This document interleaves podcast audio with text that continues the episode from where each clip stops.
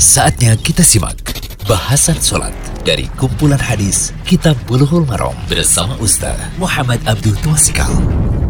Alhamdulillah, salatu wassalamu ala rasulillah wa ala alihi wa sahbihi wasallam. Kali ini kita berada di audio ke-40 dari kitab Bulughul Maram, pembahasan kitab sholat. Tentang syarat sah sholat, wajibkah wanita menutupi kakinya saat sholat? Sekarang kita lihat hadis 210, apakah wanita harus menutupi kaki saat sholatnya? Wa an Ummi Salamah radhiyallahu anha annaha sa'alat Nabi sallallahu alaihi wasallam atushallil mar'atu fi dir'in wa khimarin bi ghairi izarin. Qal idza kana dir'u sabiqan yughatti dhuhura qadamayha.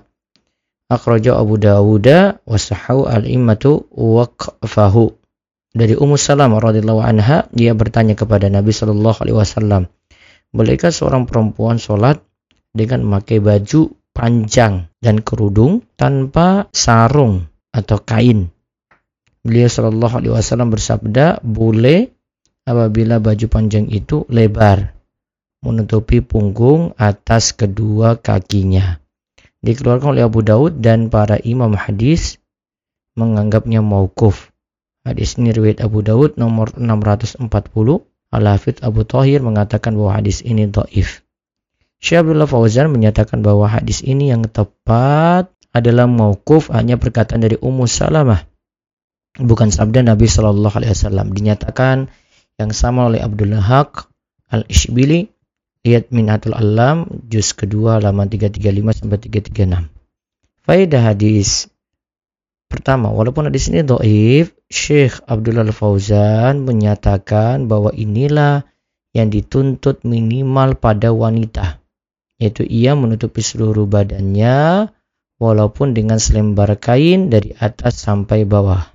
Ia menutupi seluruh badannya walaupun dengan selembar kain dari atas sampai bawah. Yang kedua yang jelas tetap ada perintah menutup dirinya dengan gamis dan penutup kepala. Ini sudah dikenal sejak masa salafus soleh terdahulu. Sebagaimana ada riwayat dari Ummul Hasan bahwa Ummu Salamah istri Nabi Shallallahu Alaihi Wasallam sholat dengan memakai gamis dan khimar. Ada juga riwayat dari Al-Auza'i bahwa Atta mengatakan para wanita dahulu sholat dengan gamis dan khimar. Begitu pula ditemukan hal ini pada istri Nabi lainnya seperti Maimunah, sebagaimana diriwayatkan oleh Ubaidillah Al-Khawlani.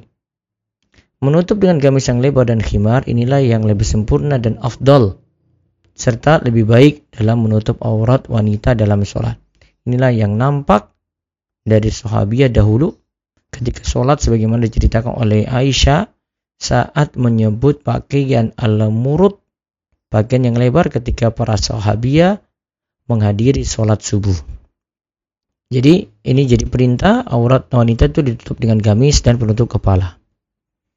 Terus faedah yang ketiga, aurat wanita yang wajib ditutup dalam sholat adalah seluruh tubuhnya kecuali wajah dan kedua telapak tangan. Termasuk kaki juga wajib ditutup menurut jumhur ulama Malikiyah, Syafi'iyah, dan Hambali.